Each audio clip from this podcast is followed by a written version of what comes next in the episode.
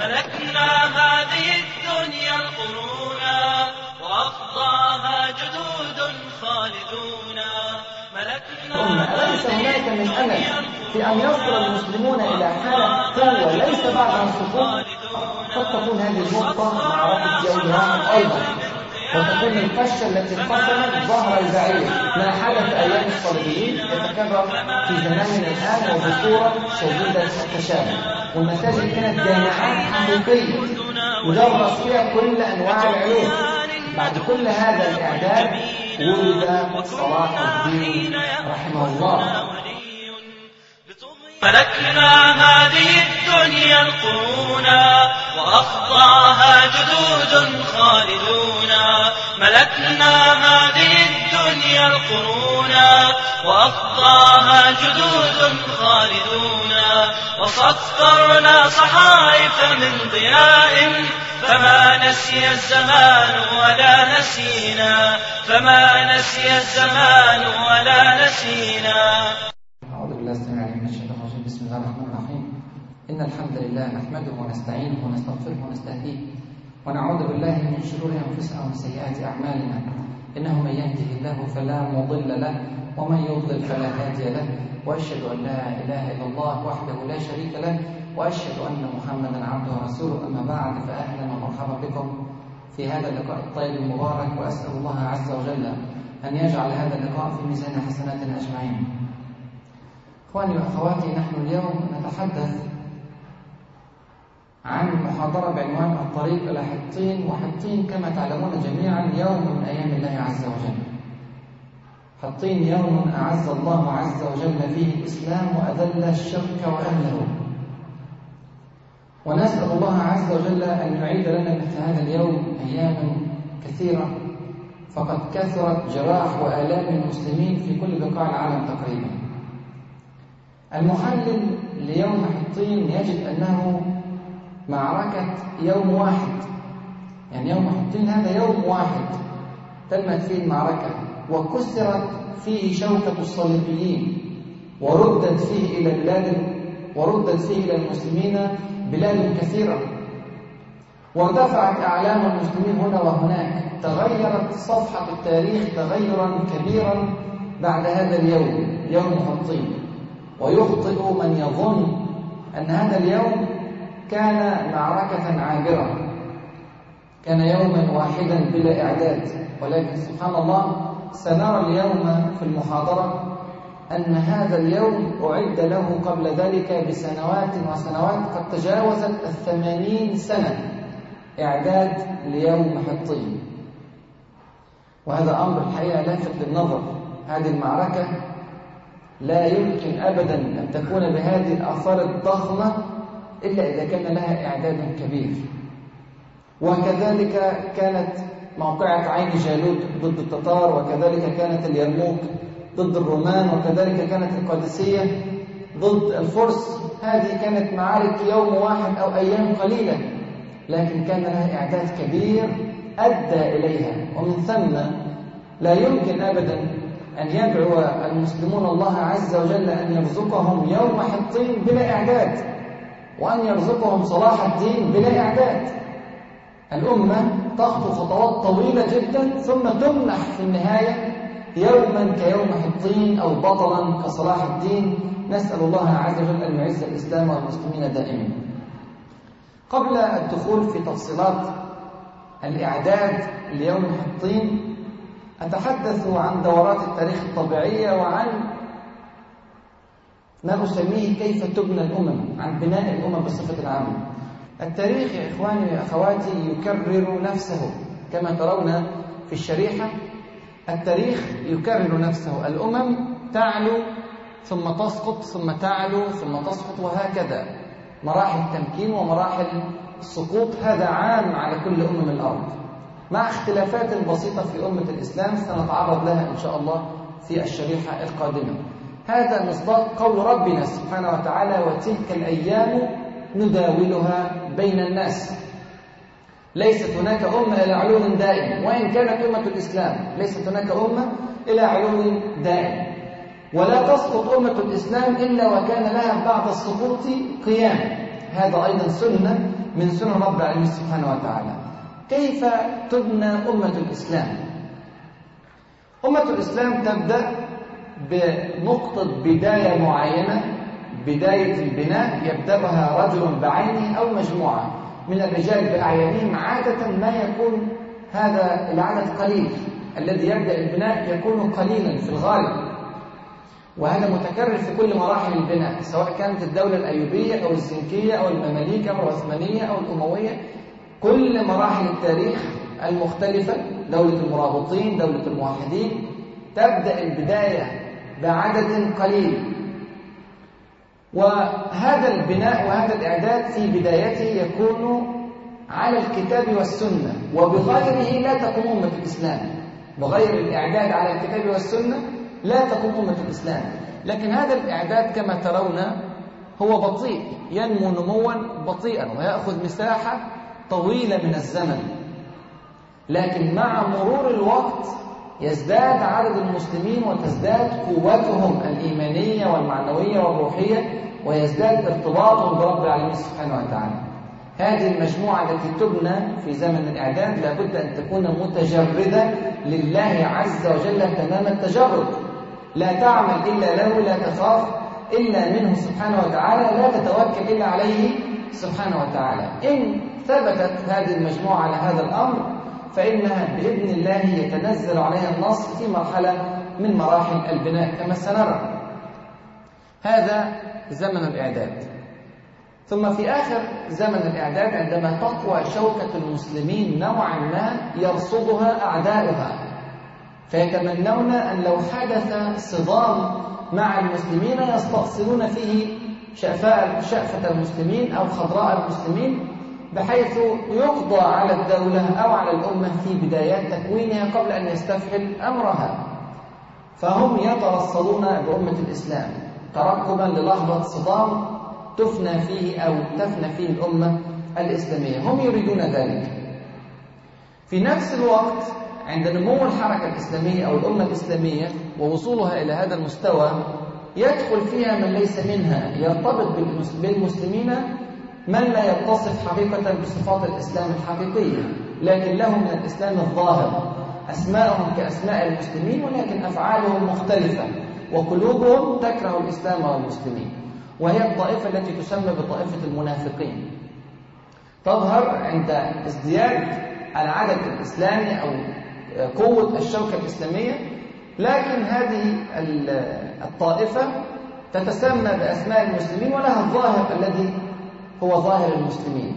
إذا التقى المسلمون مع عدوهم بصف مختلط فيه صادق وفيه كاذب فيه مؤمن وفيه منافق فإن هذا يحمل خطورة كبيرة على المسلمين. لذلك فإن الله عز وجل يدخل المسلمين في مرحلة أخرى مرحلة تمايز مرحلة يعرف فيها المسلمون من هو الصادق حقيقة ومن هو الكاذب الذي يدعي الإسلام ويوفي غيره وهو ما أسميه بمرحلة زمن وضوح الرؤية تتضح فيه الرؤية للمسلمين. تسبق هذه المرحلة أو زمن وضوح الرؤية بنقطة نشاط نقطة نشاط حدث يكرهه المسلمون يدفعهم دفعا إلى الدخول في زمن وضوح الرؤية. لماذا يكرهه المسلمون؟ لأنه عادة ما يكون أزمة. يعتقد المسلمون أن الأزمات المتتالية التي تمر بأمة الإسلام ستضعف شوكتها ولكن ربنا سبحانه وتعالى يريد العكس تماما. يدخل المسلمين في زمن وضوح الرؤية حتى تتضح الرؤية لهم تماما ويحدث التفرقة بين المنافقين وبين المؤمنين. فإذا حدثت التفرقة حقيقة وخلص الصف المؤمن من المنافقين جاء الصدام الذي لا يسعى له المسلمون ولكن يفرض عليهم فرضا. نقطة الصدام هذه قد تكون موقعة يوم واحد. لكن كما ترون الإعداد قبلها طويل جدا. الإعداد في زمن الإعداد والإعداد في زمن وضوح الرؤية. زمن وضوح الرؤية هذا زمن تكثر فيه الأزمات والمصائب التي تقع على الأمة الإسلامية. كما نرى الآن مصائب هنا وهناك في كل بقاع العالم الإسلامي. كلما اشتدت الأزمات كلما علم المسلمون أن نقطة الصدام قد اقتربت وبعد هذا الصدام يحدث التمكين بفضل الله عز وجل. حتى كما ترون على الخارطة أو على الشريحة أنا أرسم ما يسمى بمرحلة الزلزال في أواخر زمن وضوح الرؤية. قبل التمكين مباشرة يحدث زلزال يهز المسلمين. والزلزال المقصود هو أزمات متتالية حتى يظن المسلمين أن النصر أصبح بعيدا جدا. كما يقول ربنا سبحانه وتعالى في كتابه الكريم أم حسبتم أن تدخلوا الجنة ولما يأتكم مثل الذين خلوا من قبلكم مستهم البأساء والضراء وزلزلوا. حتى يقول الرسول والذين آمنوا معه متى نصر الله؟ يشعرون أن النصر قد تأخر كثيرا. انظر ماذا يقول ربنا سبحانه وتعالى ألا إن نصر الله قريب. وهذا هو النصر الذي نتمناه. يمكن المسلمون وتقوى شوكتهم على مساحة قد تكون كبيرة أو صغيرة في الأرض بحسب قوة الإعداد. إذا مكن المسلمون في الأرض وارتفعت راية الإسلام وتحسن الوضع الاقتصادي والاجتماعي للأمة الإسلامية تكثر الأموال طبيعة في الدولة. تكثر الأموال وتكثر الثروات ويعيش الناس في مرحلة من مراحل الرخاء أو في مرحلة من مراحل انفتاح الدنيا. فإذا انفتحت الدنيا على المسلمين الدنيا يا إخواني وأخواتي خطيرة جدا فتنة كبيرة. بدأ فريق من المسلمين يفتن بالدنيا ويتأثر بها ويبتعد عما شرع الله عز وجل. وفتنة الدنيا قد تكون أشد خطورة من فتنة الأعداء وفتنة الظلم وفتنة الاضطهاد والتشريد. وما تعرض له المسلمون في مرحلة زمن الإعداد أو مرحلة زمن وضوح. الرؤية فيحدث سقوط تدريجي للمسلمين. كما ترون المنحنى يهبط تدريجيا نتيجة فتنة الدنيا. إذا المرض دخل عند المسلمين منذ هذه اللحظة وليس هنا. المرض من هنا. وبدأ يحدث نوع من التأخر في الحركة الإسلامية أو في الصحوة الإسلامية أو في المفاهيم الإسلامية عند المسلمين. فيحدث هبوط ثم تأتي لحظة انكسار أو نقطة انكسار قد تكون هذه النقطة معركة يوم واحد أيضا وتكون القشة التي قسمت ظهر البعير ويحدث سقوط في الأمة الإسلامية.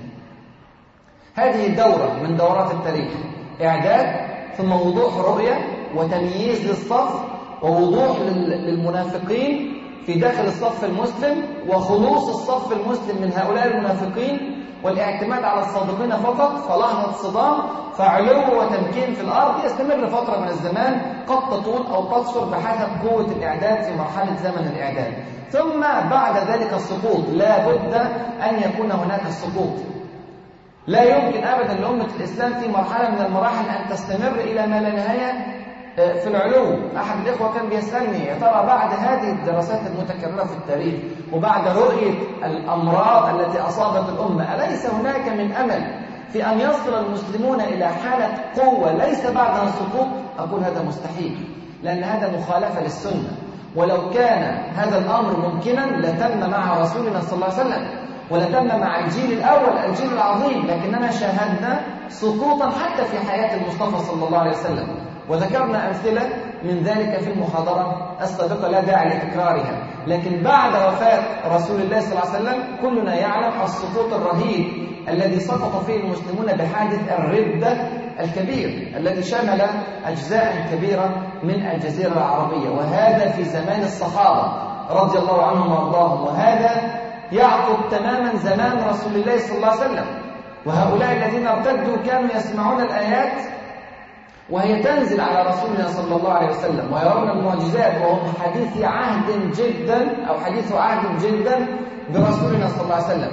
ويعاصرهم كبار الصحابة رضي الله عنهم وأرضاهم. ومع ذلك حدث السقوط لأنه لا بد منه ثم بعد السقوط كان قيام. ثم سقط المسلمون بعد ذلك وقاموا ثم سقطوا وقاموا وهكذا. هذه السنة.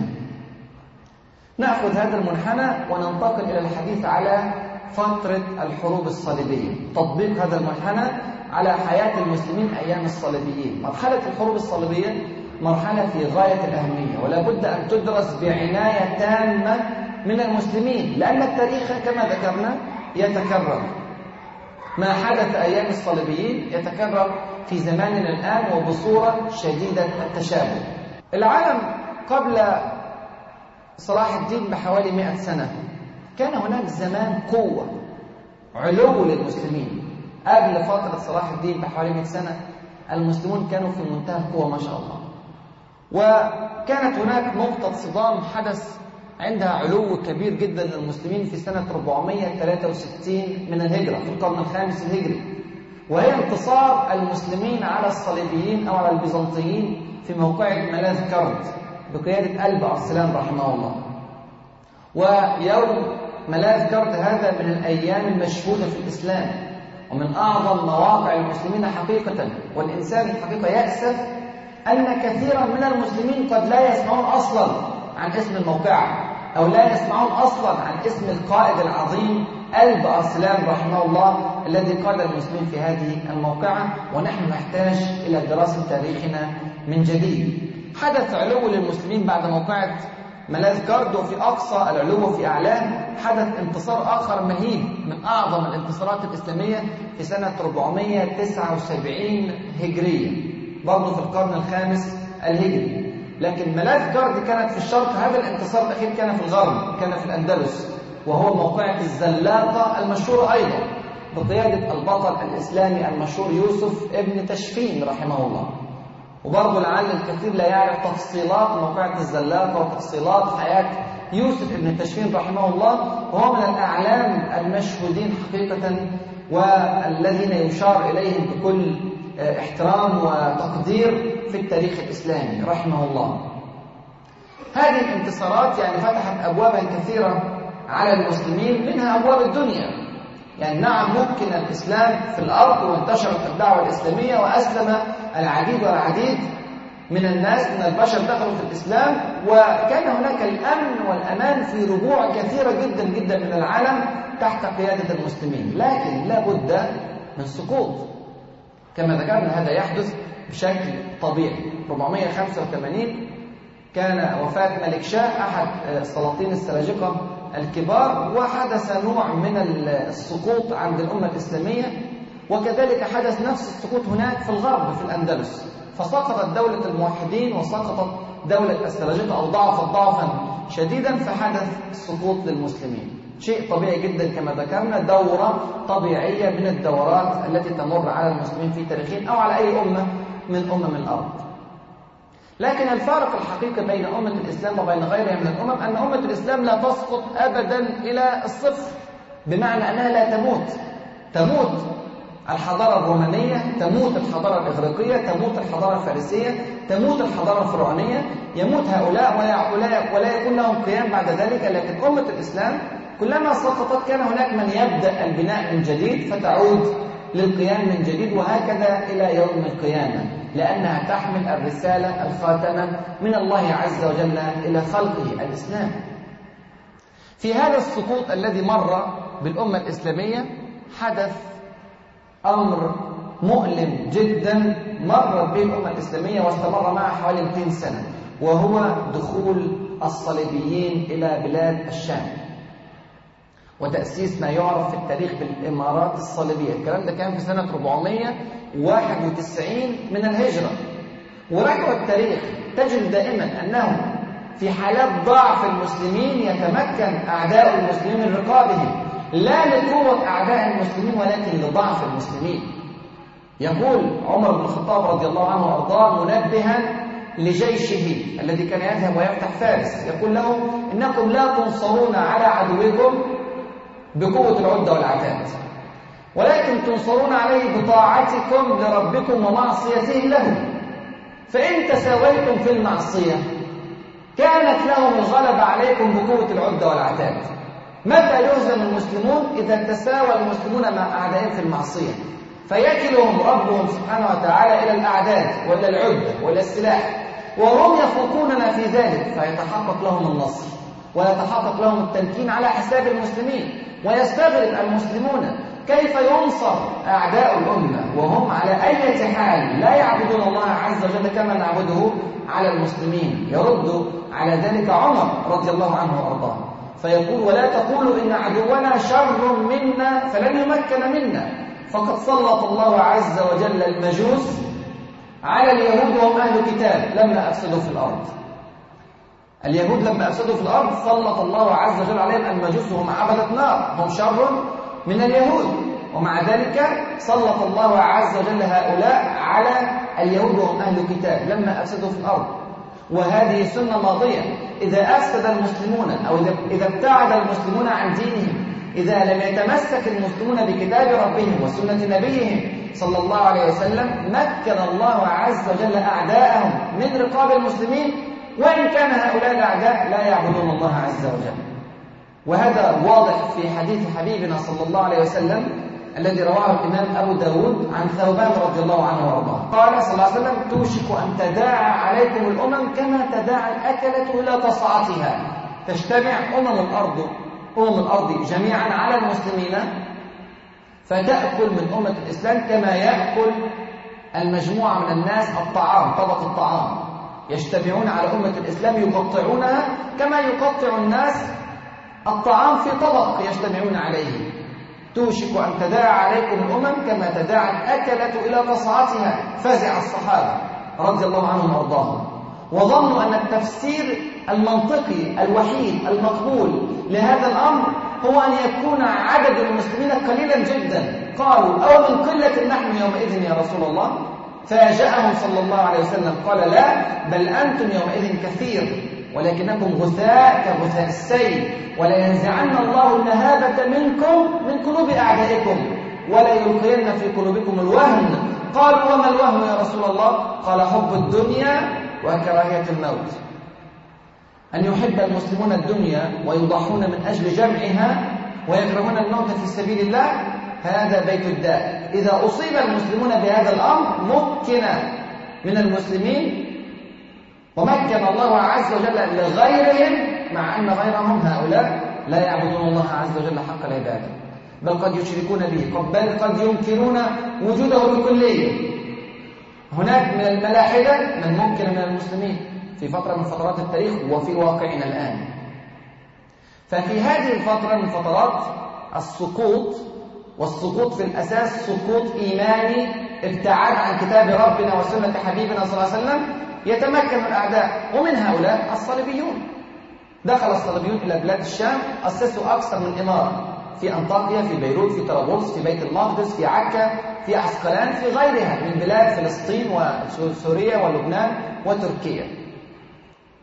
واستمرت هذه الإمارات فترة طويلة من الزمان. لم يخرج الصليبيون من العالم الإسلامي إلا بعد 200 سنة. 200 سنة في عمر التاريخ لا شيء عشان في بعض الناس تحبط عندما ترى اليهود قد احتلوا فلسطين 50 أو 60 سنة. هذه في عمر الأمم ليست بشيء. ومر بنا أزمات أشد من هذه الأزمات وخرج منها المسلمون بفضل الله عز وجل. في آخر زمن السقوط كما ذكرنا لا تسقط أمة الإسلام أبدا إلى منحنى أو إلى نقطة الصفر يظهر من يبني. ففي 512 بدأ رجل البناء. 512 بدأ عماد الدين زنكي رحمه الله البناء وهو من القوات العظماء حقيقة في الإسلام سواء من ناحية الإيمان والتقوى والورع ونحسبه على ذلك ولا نزكي الله أحدا أو سواء من ناحية القيادة والإدارة وفن إدارة البلاد وإدارة الجيوش وما إلى ذلك من أمور يحتاج إليها قائد البلاد. بدأ هذا الكلام في سنة 512 لكن يا ترى عماد الدين زنكي ظهر هكذا دون إعداد؟ من أين ظهر؟ هل نزل من السماء أو خرج من تحت الأرض؟ لا هو ربي في مجتمع مسلم. لذلك هناك ما أسميه بمرحلة الإعداد لزمن الإعداد. الإعداد لزمن الإعداد. يعني في هذه المرحلة يعد الذي سيحمل راية التغيير بعد ذلك. والذي سيحمل هم بناء الأمة الإسلامية من جديد. وخلي بالك الإعداد لزمن الإعداد هذا يكون في أثناء زمن السقوط. يعني إيه الكلام ده؟ يعني الدنيا مظلمة خالص سبحان الله. والأعداء متكلمون على الأمة الإسلامية. هناك غزو من كل مكان. هناك تقطيع لأوصال الأمة الإسلامية.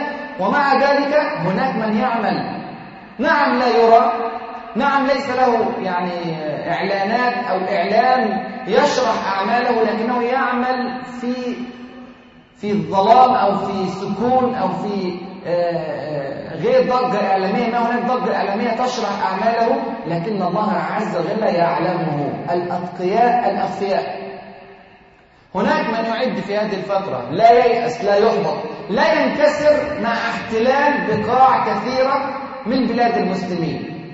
فهؤلاء يعد الذي يبدأ التغيير. وقد لا يذكرهم التاريخ مطلقا.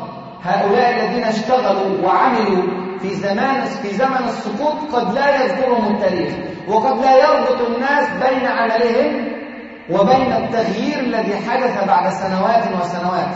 لكن الله عز وجل يراهم ويعلمهم ثم استمر الإعداد عماد الدين زنكي وابنه من بعده رحمه الله نور الدين محمود الشهيد رحمه الله. ثم بعد ذلك حدث حدث يكرهه المسلمون.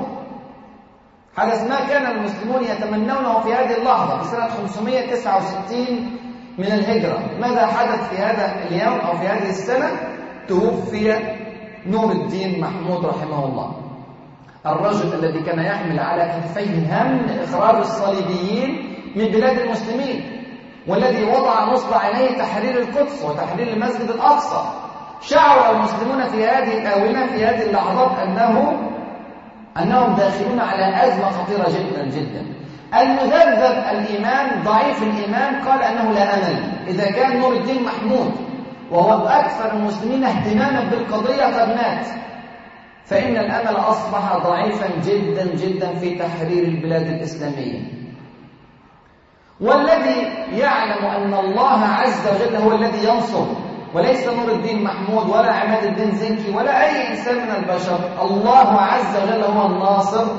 فإنه آمن أن الله عز وجل سينصر دينه لا محالة وسيهزم عدوه لا محالة ومن ثم ظل يعمل. إذا دخلنا فيما أسميه بزمن وضوح الرؤية. الذي سيكمل الطريق بعد وفاة نور الدين محمود هذا إنسان فعلا مؤمن بالله عز وجل متبع لشرعه يعمل لله وإن مات العاملون المخلصون من حوله وإن سقط المتساقطون هو يعمل لله عز وجل مستمر في طريقه.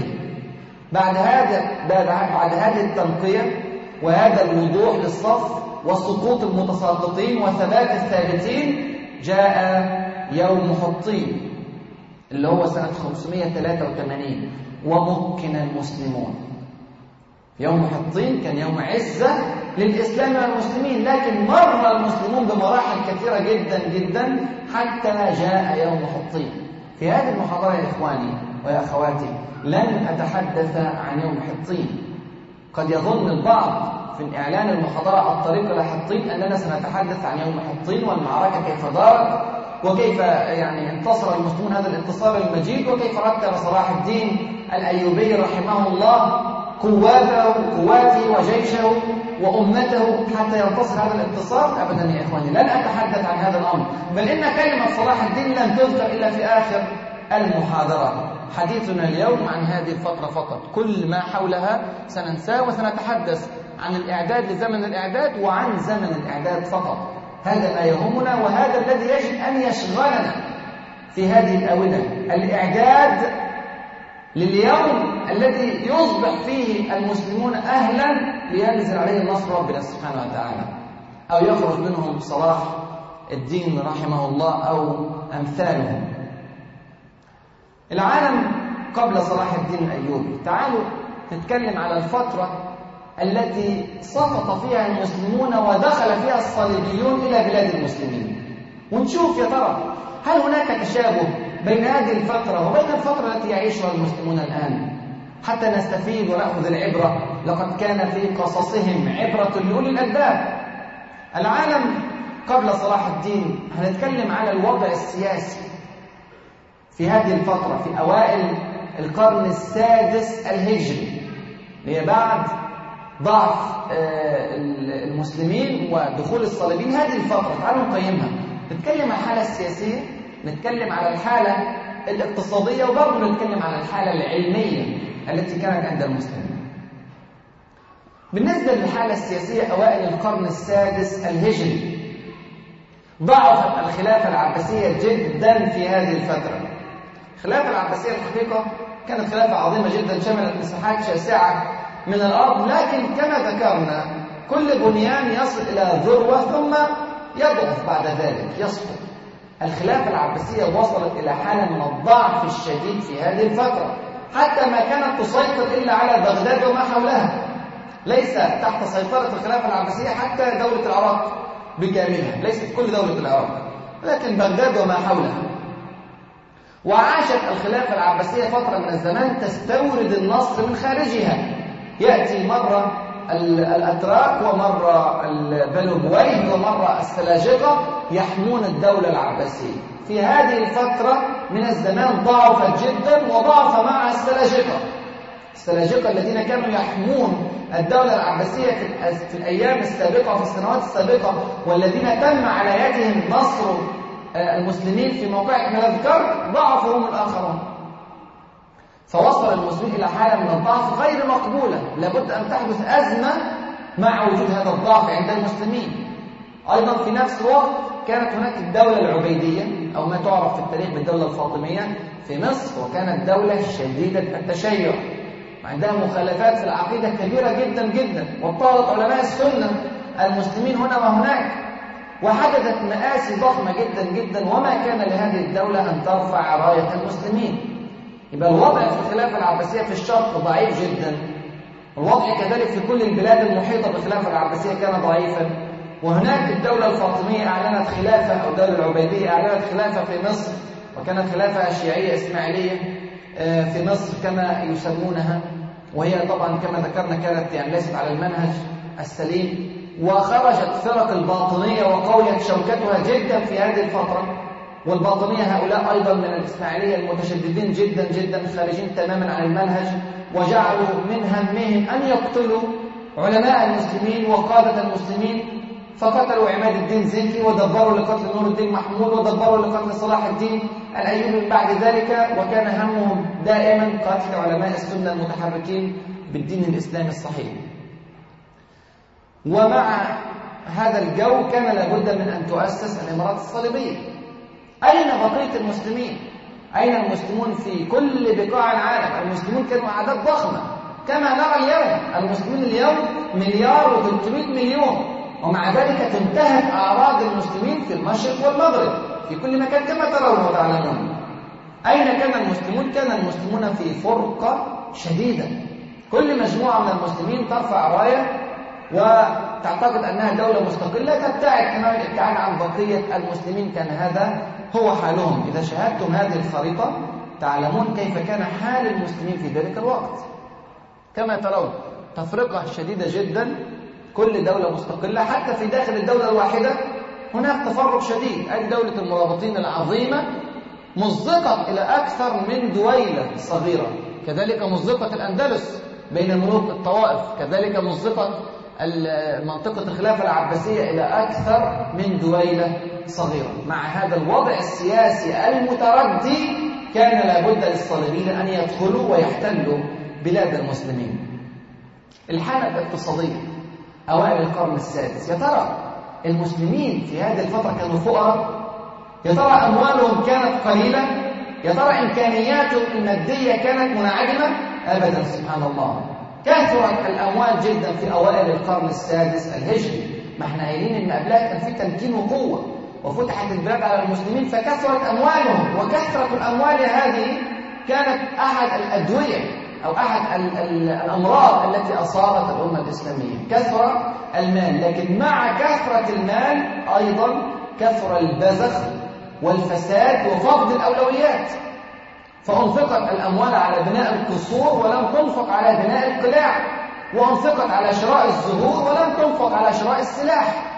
وأصبح وضع الأمة الإسلامية كالرجل الغني جدا الذي لا يعرف كيف يتصرف في ماله فيتصرف فيه أعداؤه ويوجهونه حيثما أرادوا مع كثرة الأموال ووجود البذخ والفساد وفقد الأولويات دخل المسلمون في حالة من تدهور الوضع الاقتصادي لا لقلة المال ولكن للسفه في إنفاقه ولتوجيهه في غير محله.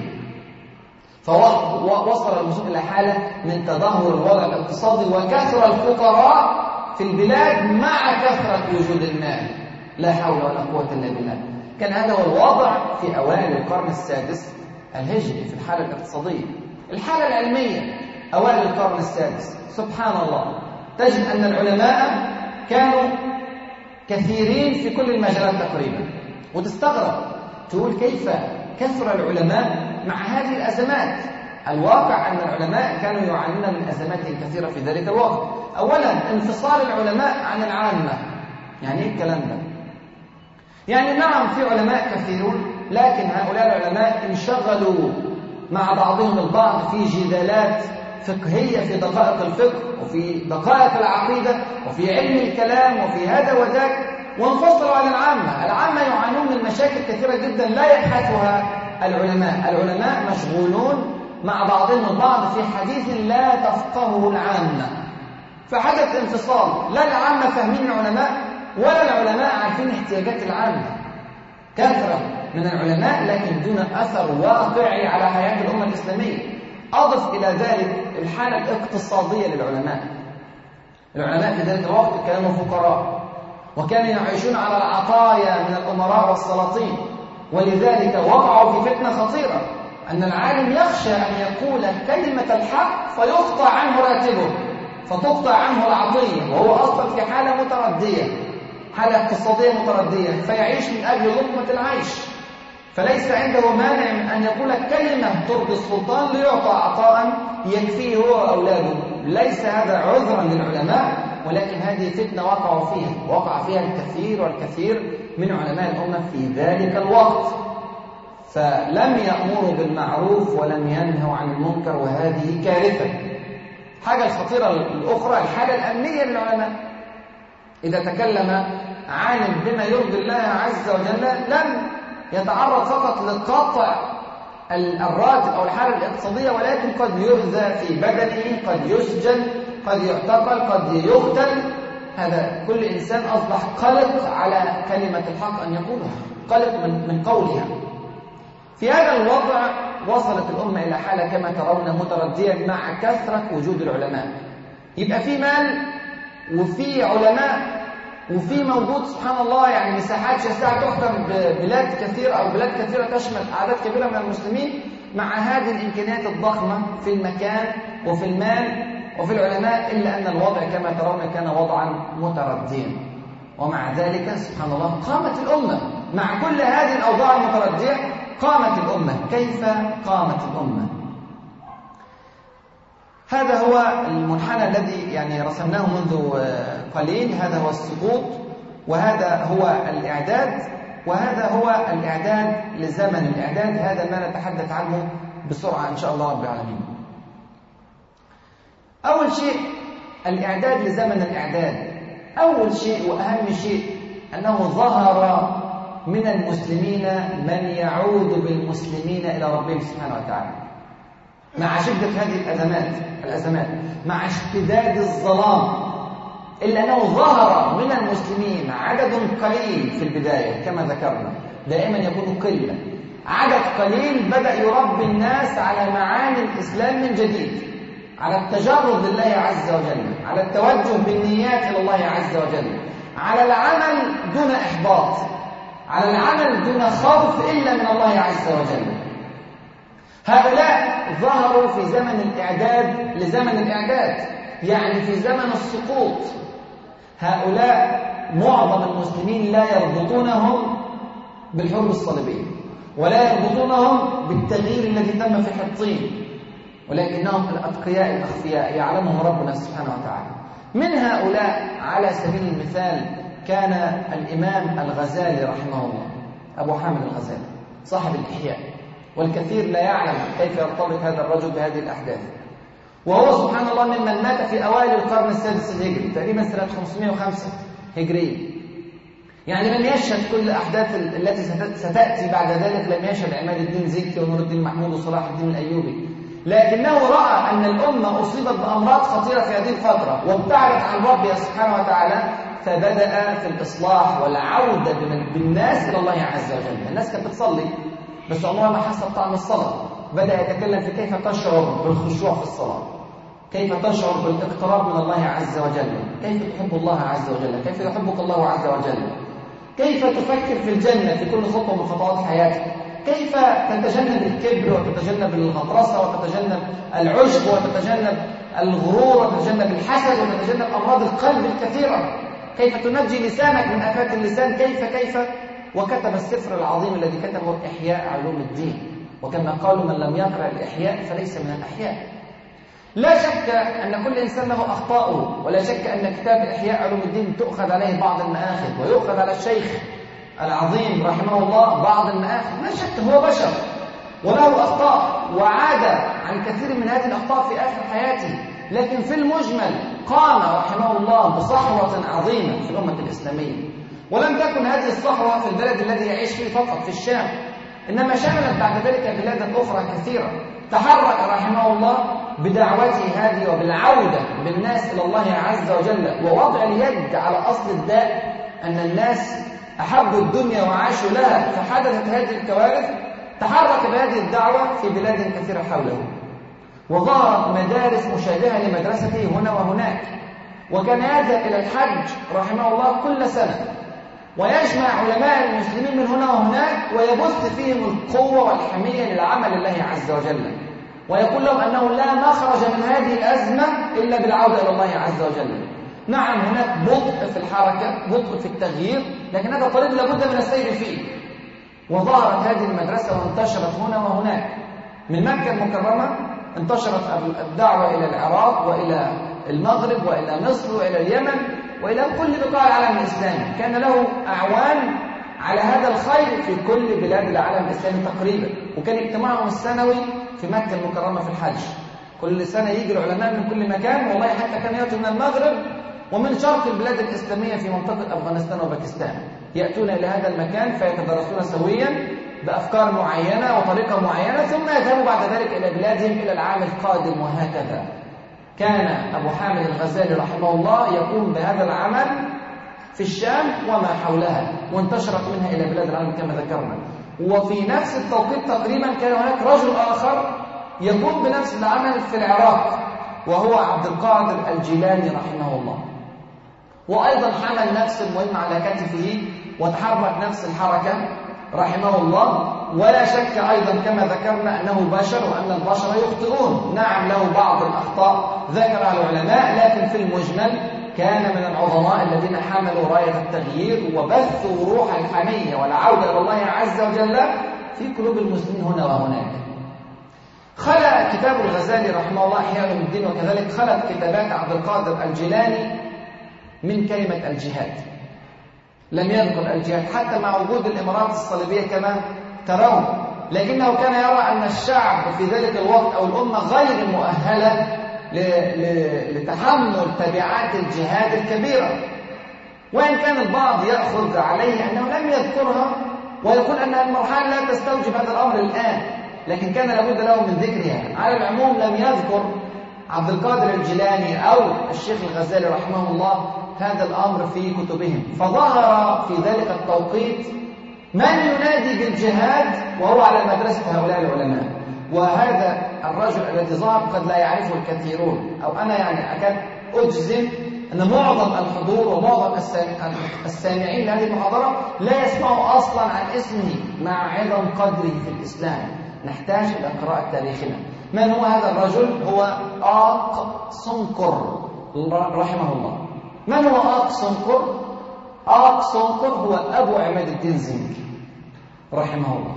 وكان رجلا ورعا تقيا مجاهدا في سبيل الله قائدا لجيوش لبعض جيوش المسلمين. كان متحركا جدا للدين. لكن كان يفتقر إلى العلم الذي عند عبد القادر الجيلاني وعند الإمام الغزالي رحمه الله. فاتحاد القوتين قوة هذا الرجل المجاهد المحب للجهاد وهؤلاء العلماء أنتج بعد ذلك عماد الدين زنكي رحمه الله. في مدارس عبد القادر الجيلاني تربى عماد الدين زنكي. في مدارس الإمام أبي حامد الغزالي تربى عماد الدين زنكي رحمه الله ومن معه من جيل. هذا الجيل تربى على أيدي هؤلاء العلماء. وهؤلاء العلماء ماتوا قبل أن يفكر المسلمون ولو مجرد تفكير أولي في تحرير البلاد الإسلامية المحتلة في فلسطين وفي الشام وفي غيرها. لكن أيحرمون من الأجر؟ كلا حاشا حاشا لله عز وجل أن يمنعهم من الأجر العظيم. وقد ثبتوا دعائم الدولة الإسلامية وبنوا مع بعضهم البعض بهذا الفكر العظيم. الجيل الذي استطاع بعد ذلك أن يقوم بالتغيير. ويجي بعد كده في زمن الإعداد عماد الدين زنكي رحمه الله وابنه من بعده نور الدين محمود. بدأوا في مرحلة البناء. وكان البناء في البداية صغير جدا جدا في الموصل ثم بعد ذلك في حلب. يعني في مدينة تكاد لا ترى على خريطة المسلمين. ولما نشوف إصلاح في مدينة نقول يا سبحان الله إزاي هيحصل تغيير بعد كده؟ في دولة الإسلام كلها أو في أمة الإسلام كلها. وكيف للتغيير الذي يتم في حلب أن يؤثر على الإمارات الصليبية القوية الموجودة هناك في هذه البلاد الإسلامية المحتلة فلسطين والشام وتركيا؟ لكن انظر إلى الإبداع في البناء. عماد الدين زنكي ونور الدين محمود كانوا يتميزوا أشد التميز في قضية التوازن والشمول بمعنى أنهم لم يهتموا بجانب في الإسلام على حساب جانب إنما أخذوا الإسلام جملة واحدة ادخلوا في السلم كافة دخلوا في الإسلام كافة يعني أخذوا كل شرائع الإسلام وكل قوانين الإسلام وبدأوا في التطبيق. فاهتموا سويا بالتربية الإسلامية اهتموا كذلك بالقوة الاقتصادية اهتموا كذلك بالقوة العسكرية وأيضا اهتموا بتوحيد المسلمين. هذه محاور عمل فيها عماد الدين زنكي وعمل فيها من بعده نور الدين محمود رحمه الله جميعا. الزنكي والتربية الإسلامية الواعية. أولا بدأوا في نشر العلم والعلماء. إحنا قلنا كان عندنا مشكلة في العلم. في أواخر القرن الخامس الهجري أوائل القرن السادس الهجري. مشكلة إن في علماء موجودين لكن لا يتكلمون. فبدأ نور الدين محمود أو بدأ عماد الدين زنكي من قبله يستقدمون هؤلاء العلماء من شتى بقاع المسلمين. كل واحد عالم يسمعوا عنه في بلد أو قطر من أقطار المسلمين يجيبوه عندهم في الموصل ثم بعد ذلك في حلب. ويجزلوا له العطاء. ويفتحون له المجال ليعلم الناس. وهذه بدايات صحيحة لأمة تريد أن تقوم. وراجعوا كل حركات التاريخ. لا تقوم أمة أبدا على جهل. ولعلنا من هنا نفهم لماذا بدأ الله عز وجل كتابه العظيم بآيات تتحدث عن العلم. هي الأساس. الأمة بغير علماء تضل وتضل غيرها. فلا بد من وجود العلماء ولا بد من سماع كلمتهم ولا بد من تقديمهم ولا بد من احترامهم. بهذا تقوم الأمة بغيره من المستحيل أن تقوم. فبدأ نور الدين محمود أو عماد الدين زكي من قبله الحق الحق الوضع كان أوضح جدا في حياة نور الدين محمود. عشان كده إحنا دايما نذكر اسمه قبل اسم أبيه. وإن كان طبعا الأب عماد الدين زنكي له الفضل الكبير في إنشاء الأمة الإسلامية من جديد. فبدأ نشر علم العلماء وفتح لهم الكثير من المساجد. أنشأ مساجد كثيرة والمساجد كانت جامعات حقيقية. يدرس فيها كل أنواع العلوم حقيقة. وأنشأ العديد من المساجد في البلد الذي كان يعيش فيها ثم في البلاد بعد ذلك التي انضمت إلى مملكته رحمه الله. ثم بعد ذلك بدأ في إنشاء المدارس الخاصة بالأطفال الصغار. في هذه المدارس في هذه المدارس التي أنشأها نور الدين محمود وعماد الدين زنكي تربى صلاح الدين الأيوبي رحمه الله. وتربى الجيل الذي دخل معه موقعة الطين هؤلاء تربوا في المدارس التي أنشئت في عهد عماد الدين زنكي ونور الدين محمود. مع أن هذه المدارس في ذلك الوقت أو الشعب في ذلك الوقت لم يخرج الجيش الذي يحرر البلاد.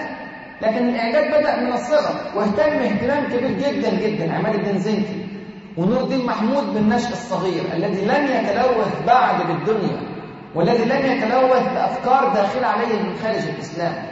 اهتم بهم اهتمام كبير وكان هناك صبر عجيب على تربيتهم وصبر عجيب على إخراج المواهب من وسطهم. ومن هذه المواهب كان صلاح الدين الأيوبي رحمه الله. ولينا كلام على صلاح الدين الأيوبي إن شاء الله وعلاقته بنور الدين محمود في جزئية التربية هذه في آخر المحاضرة بإذن الله. أيضا بدأ نور الدين محمود بالذات يؤسلم القضية بمعنى الناس كانت عايزة تحرر فلسطين وعايزة تحرر الشام وعايزة تحرر آه تركيا للعودة إلى أراضيها فقط للعودة إلى ديارها للعودة إلى ممتلكاتها فقط من منطلق العودة إلى إعادة أملاكنا إلينا. لكن عماد الدين زنكي ونور الدين محمود لفتوا الأنظار إلى شيء لم يفكر فيه المسلمون جديا في هذا الزمان هو أننا نحرر هذه البلاد لأن الله عز وجل أمرنا بتحريرها. هذا جزء من ديننا. هذا فرض عين على المسلمين كفرض الصلاة وفرض الصيام في رمضان وفرض الزكاة. هذا فرض على المسلمين. فأسلمت القضية فتحرك الناس لله عز وجل ولم يتحركوا لدنياهم. وشتان يا إخواني يا أخواتي بين من يقاتل لله وبين من يقاتل للدنيا. شتان. الإنسان هو نفس الإنسان والذراع نفس الذراع والسلاح نفس السلاح. لكن شتان بين أداء هذا وأداء هذا. شتان بين من يقاتل وهو يحافظ على حياته أو يخشى على حياته وبين من يقاتل وهو يخشى ألا يموت. هو حريص على الموت في سبيل الله. كما قال صلى الله عليه وسلم لوددت والذي نفسي بيده لوددت أن أقتل في سبيل الله ثم أحيا ثم أقتل ثم أحيا ثم أقتل ثم أحيا ثم أقتل. هذه أمنية رسول الله صلى الله عليه وسلم. فبدأ نور الدين محمود وعماد الدين سيكي في تربية الناس على هذه المعاني. وكانت معاني جديدة على الجيل المعاصر له لكن بالصبر دخلت هذه المعاني في قلوبهم. ثم نرى أثر ذلك على حياة الناس في ذلك الوقت. الناس في الزمن السابق الزعماء في الزمن الذي سبق زمن عماد الدين زنكي ونور الدين محمود كانوا ينسبون أنفسهم إلى الدولة لأن حياتهم كلها هي الدولة هي الدنيا. فيقولون عضد الدولة سند الدولة هكذا. ناصر الدولة يسمون أنفسهم هذه الأسماء. أما في في هذه الفترة لعظم شأن الدين في نفوسهم سمى الناس أنفسهم نسبة إلى الدين. فترى آق سنكر يسمي ابنه عماد الدين وعماد الدين يسمي ابنه نور الدين. وكذلك صلاح الدين. وهذا كثير جدا جدا في هذه الآونة. تديك إحساس كيف كان الشعب يعيش حياة محبا فيها تمام الحب لهذا الدين العظيم الذي ينتمون إليه. ثم أخيرا ترسيخ العدل وهو في غاية الأهمية لإنشاء الأمم. وكما يقول ابن تيمية رحمه الله إن الله عز وجل يقيم الدولة العادلة وإن كانت كافرة. ويسقط الدولة الظالمة وإن كانت مسلمة. فبدأ عماد الدين زنكي ونور الدين محمود في ترسيخ معنى العدل في مدنهم في بلادهم. بمعنى أن الشرع يطبق على الجميع وأول من يطبق عليه الشرع هو زعيم البلاد. هكذا. فطبق عماد الدين الشرع على نفسه وطبقه على ابنه وبعد ذلك طبقه نور الدين محمود على نفسه وعلى عائلته فقبل الجميع شرع الله عز وجل. هناك قدوة حسنة. هناك ترسيخ مبدأ العدل على الناس أجمعين. لا يفرق فيها بين غني ولا فقير ولا بين حاكم ولا محكوم. هذه كانت تربية إسلامية واعية في كل فترات عماد الدين زنكي رحمه الله ونور الدين محمود الشهيد رحمه الله. ثم الإعداد العسكري. لم يكن هذا الإعداد يا إخواني وأخواتي إعدادا روحانيا فقط أو إعدادا إيمانيا في المساجد فقط. ولكن كان هناك إعداد مادي أيضا وأعدوا لهم ما استطعتم من قوة. فنجد أن عماد الدين زنكي ونور الدين محمود اهتموا جدا جدا بالروح الجهادية عند الشعب وبدأوا يتحدثوا عن آيات الجهاد. وتتلى صور الجهاد هنا وهناك وأئمة المساجد المساجد يتحدثوا عن هذا الأمر بقت في روح عالية جدا جدا عند الشعب. معها بدأ التدريب العسكري.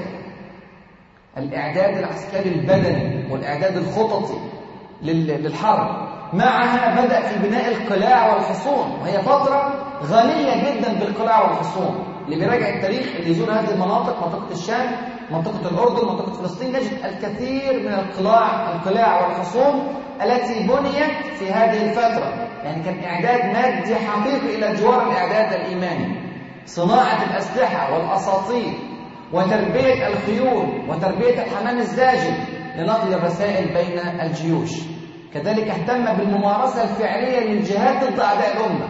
بمعنى أنه كان يقوم بالحملات السريعة على الصليبيين. نعم هي حملات لا تهدف إلى تحرير البلاد تحريرا كاملا فلم تستكمل العدة بعد لكنها كانت حروب استنزاف على أعلى مستوى.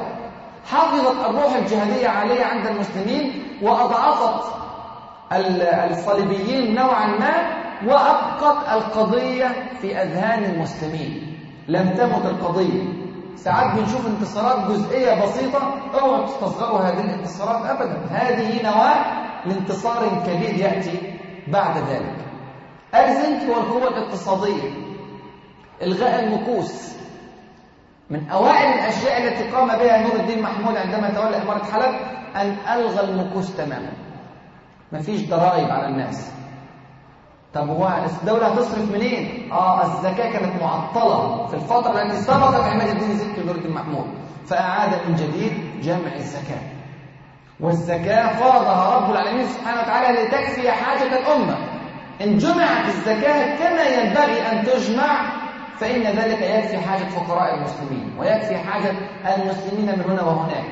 وهذا متكرر جدا في كل لحظات القيام هتلاقي قطز رحمه الله لما تولى إمارة المسلمين وقف الضرائب والمكوس وبدأ في جمع الزكاة تغير الوضع تماما في حال بلاد المسلمين. فهذا أمر اهتم به نور الدين محمود رحمه الله وكذلك عماد الدين زنكي ترشيد الإنفاق في الدولة. الأموال بدأت تنفق في, في الأوجه التي تحتاج إليها الأمة الإسلامية ترتيب الأولويات. يعني نرتب إحنا محتاجين هنا وهنا وهنا وهنا إنفاق نعم لكن أيهما أولى؟ فبدأ يرتب أولويات الأمة أولويات الدولة. وإن كانت دولة صغيرة وإمكانياتها ضعيفة بالقياس إلى ما حولها لكن رتب أولوياتها. ثم بنى الأسواق والمصانع وتعديل الطرق وقام بنهضة الزراعة. سبحان الله شمول. يا إخواني في منتهى الوضوح من أهم المستشفيات التي بنيت في تاريخ الإسلام المستشفى النوري في دمشق. قعد شغال 800 سنة متصلة لحد أوائل القرن اللي فات. 800 سنة المستشفى النوري نسبة إلى نور الدين محمود رحمه الله. يعني مش بس كان شغال في المساجد ولا في الجيش في الدولة كلها نهضة كاملة متكاملة في كل الدولة. ثم البركة يا إخواني ويا أخواتي. البركة إذا عاد الناس إلى ربهم يفتح الله عز وجل لهم من أبواب الرحمة والبركة ما لا يتخيله الناس. بقياساتنا يبقى ناتج الربح في هذه المسألة أو في هذه التجارة كذا يضاعف ربنا سبحانه وتعالى أضعافا مضاعفة في حساباتنا أن هذه المعركة تحقق نجاحا بحجم كذا يضاعف الله عز وجل أضعافا مضاعفة البركة ولو أن أهل القرى آمنوا واتقوا لفتحنا عليهم بركات من السماء والأرض ولكن كذبوا فأخذناهم بما كانوا يكسبون الزنك والوحدة بين المسلمين. أول حاجة عملها كانت لطيفة جدا. الوحدة بين المذاهب. الوحدة بين المذاهب. كان المسلمين في الفترة التي سبقت عمال الدين زنك من نور الدين محمود على مذاهب مختلفة.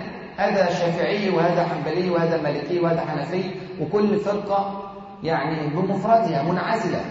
قد تهتم كثيرا بالطعن في أختها. قد أحيانا يصل الأمر إلى أن الشافعي لا يتزوج حنبليا. والحنفي لا يتزوج مالكيا وأن هذا لا يصلي خلف ذاك هذا وصل وصلت الأمة الإسلامية لمثل هذه الحالة. فبدأ يجمع المذاهب رحمه الله. بدأ يجمع كله في كيان واحد وعمل ليه هيئة علماء. هيئة العلماء هذه كانت مستشارة في أمور الدولة وهيئة العلماء هذه كانت تضم من كل المذاهب. مع إن كان فيها تلامذه للغزالي رحمه الله وكان شافعيا وفيها تلامذه لعبد القادر الجيلاني وكان حنبليا. إلا أن كل الم... الهيئة هذه ضمت كل هذه المدارس المختلفة. فحصل نوع من الوحدة والترابط في داخل المدينة الواحدة. ثم بعد ذلك بدأ يوحد بين مدن الشام. الناس بدأت تتوق إلى أن تقاد بنور الدين محمود رحمه الله. فبدأت الناس تتجمع تحت رايه واحدة سنة سنة مع مرور الأيام والشهور والسنوات توحدت الشام. ثم بعد ذلك توحدت مصر والشام. الوحدة بين المذاهب ما كانتش في لحظة. خدت شهور وخدت سنوات. الوحدة بين مدن الشام كذلك خدت سنوات. والوحدة بين مصر والشام خدت سنوات. لكن الطريق اللي ماشيين فيه طريق سليم. ورسخ رحمه الله نور الدين محمود مبدأ الشورى في بلاده. ما انت عندك دولة كذا ودولة كذا ودولة كذا وعالم من هنا وعالم من هنا وعالم من هنا. جمع كل دول في كيان واحد. بغير شورى تحدث الفتن. بهذا التكوين بهذا الإعداد الإيماني في البداية وأهم إعداد والإعداد العسكري والإعداد الاقتصادي والتوحيد في الصف توحيد المسلمين أصبح الصف جاهزا لكي يخرج منه صلاح الدين الأيوبي. بعد كل هذا الإعداد ولد صلاح الدين رحمه الله. لما نيجي كده نبص على الخريطة بتاعتنا شوفوا آدي المكان الذي ولد فيه صلاح الدين الأيوبي. سنة 532 من الهجرة. قبليه كان في شغل كبير جدا جدا. اتعمل أيام أبي حامد الغزالي وأيام عبد القادر الجيلاني وأيام سنقر وفي إعداد طويل جدا جدا. مر بعماد الدين زنكي ونور الدين محمود. وفين لحد سنة 583 لما كان صلاح الدين رحمه الله وصل إلى الوضع الذي يستطيع فيه أن يدخل معركة حطين. خلي بالك إن صلاح الدين اتولد سنة 532 عاش فترة طويلة جدا طفل ونور الدين وعماد الدين عمالين يبنوا في الدولة يبنوا في الأمة وهو لسه طفل صغير. هقول لكم حاجة غريبة جدا. صلاح الدين الأيوبي في بداياته وهو طفل لم يكن يريد هذا هذا الطريق. لم يكن يريد طريق الجهاد ولا طريق العلم ولا طريق المساجد. وكانت تضغط عليه أمه وأبوه لكي يذهب إلى صلاة الفجر، صحيح صلاة الفجر وهو يعني متثاقل، لكن بالتربية يوم ورا الثاني ورا الثالث بدأ يحب المساجد، بدأ يحب حلقات العلم. نور الدين محمود كان يرى فيه إمكانيات كبيرة، إمكانيات عسكرية كبيرة، إمكانيات رياضية، إمكانيات فروسية، لكن يجده لا يحب أن يذهب إلى التدريب العسكري مع من يتدرب، فكان يعمل إيه رحمه الله؟ كان يأتي به ويلعب معه لعبة الخيول، لعبة الكرة بالخيول. حط الكرة على الأرض وكل واحد يركب الخيل بتاعه ويقعدوا يلعبوا بالكرة مع بعض. محتاج مناورة ومحتاج فروسية ومحتاج قدرة على قيادة الخيل يأتي العلماء إلى نور الدين محمود. يقول له يا إمام يعني أنت تلعب والأمة في حالة يعني خطيرة. فيقول أنا لا ألعب ولكني أدربه على الجهاد. أجرعه الجهاد. هو يرفض أن يتعلم الجهاد في ميدان القتال. أعلمه هنا في ميدان اللعب. مع مرور الوقت ستتوق نفسه إلى ركوب الخيول وإلى الجهاد في سبيل الله. وهذا ما حدث بالفعل. كان يتسابق معه رحمه الله نور الدين محمود يتسابق مع صلاح الدين أيوب. يقعدوا هم الاثنين يجروا في مضمار سبق بالخيول. في ظاهر الأمر أن هذا لعب لكن هو تدريب. وليس فقط تدريب على القتال وعلى الفروسية وعلى الجهاد ولكن تدريب على المعاني الراقية جدا في الإسلام. انظروا مثلا ماذا كان يقول له في مرة من المرات كانوا يتسابقون. فقال نور الدين محمود بدأ السباق وكان ذلك قبل غروب الشمس. فهم رايحين في اتجاه الشمس الظل خلفهم. وهم راجعين رايح مرة رايحين ومرة جايين. وهم راجعين الشمس وراهم فالظل قدامهم. ففي نهاية السبق قال نور الدين محمود لصلاح الدين الأيوبي أرأيت الظل؟ فقال ما رأيته؟ يعني ما أعطى اهتماما للظل. فقال الظل هذا هو الدنيا. الدنيا تجري وراءها. لما يكون الظل قدامك عامل زي الدنيا. تجري وراءها مهما تجري لا يمكن أبدا أن تدركها. دايما تبقى عايز وعايز وعايز وعايز. ولو أنت جعلت الدنيا خلفك وجريت منها هتجري وراك. زي ما الظل عمال يجري وراك مش عارف يسيبك. الدنيا من نصيبك لازم هتجيلك. انظروا إلى ترسخ هذا المعنى في ذهن صلاح الدين الأيوبي وهو طفل لما يكبر بعد كده ويلتقي في معارك مع الصليبيين واحدة تلو الاخرى لا يفكر مطلقا في دنيا. كان يقاتل بنفسه رحمه الله صلاح الدين الأيوبي. ولو أرسل جيشا ما لمه أحد. لكنه كان يخرج بنفسه حبا في في سبيل الله. الكلام ده ما جاش من فراغ. الكلام ده جه من اعداد نور الدين محمود وعماد الدين زنكي واعداد أم صلاح الدين وأبو صلاح الدين. والكلام ده برضه ما جاش من فراغ جه من إعداد العلماء الذين سبقوهم. لما تيجي تحسب من أيام الشيخ الغزالي رحمه الله والشيخ عبد القادر الجيلاني وموقعة الطين هتلاقي حوالي 80 سنة أو أكثر من 80 سنة. ما نزهقش يا إخواني ويا أخواتي. البناء يحتاج إلى وقت. استعجال النصر هذا لا يأتي بخير ابدا. لكن ليس معنى عدم استعجال النصر أن نركن أو ننتظر في الفتور أن يأتي النصر ابدا لا يأتي النصر إلا بإعداد لا يأتي النصر إلا بجهد لا يأتي النصر إلا بتربية. هنا ولد صلاح الدين واستمرت المسيرة ثم كان في سنة 583 الموقعة التي غيرت وجه التاريخ. نعم موقعة يوم واحد ولكنها كانت ذات إعداد طويل وجهد عظيم بذل فيه الكثير والكثير والكثير مما نعلم ومما نعلم جهدا ونسأل الله عز وجل أن يعز الإسلام والمسلمين وأن يفقهنا في ديننا. خلاصة القول إخواني وأخواتي بغير مكة لن تكون المدينة. لازم فترة مكة لازم التعب والتعذيب والثبات على المبدأ والتمسك بدين الله عز وجل. وبغير الإعداد لن يكون تمكين. وبغير المربين لن يكون صلاح الدين. أسأل الله عز وجل أن يعز الإسلام والمسلمين وأن يرفع رايات الموحدين في كل مكان وأن يجمع شمل المسلمين وأخطاها جدود خالدون ملكنا هذه الدنيا القرونا وأخطاها جدود خالدون. وسطرنا صحائف من ضياء فما نسي الزمان ولا نسينا فما نسي الزمان ولا نسينا.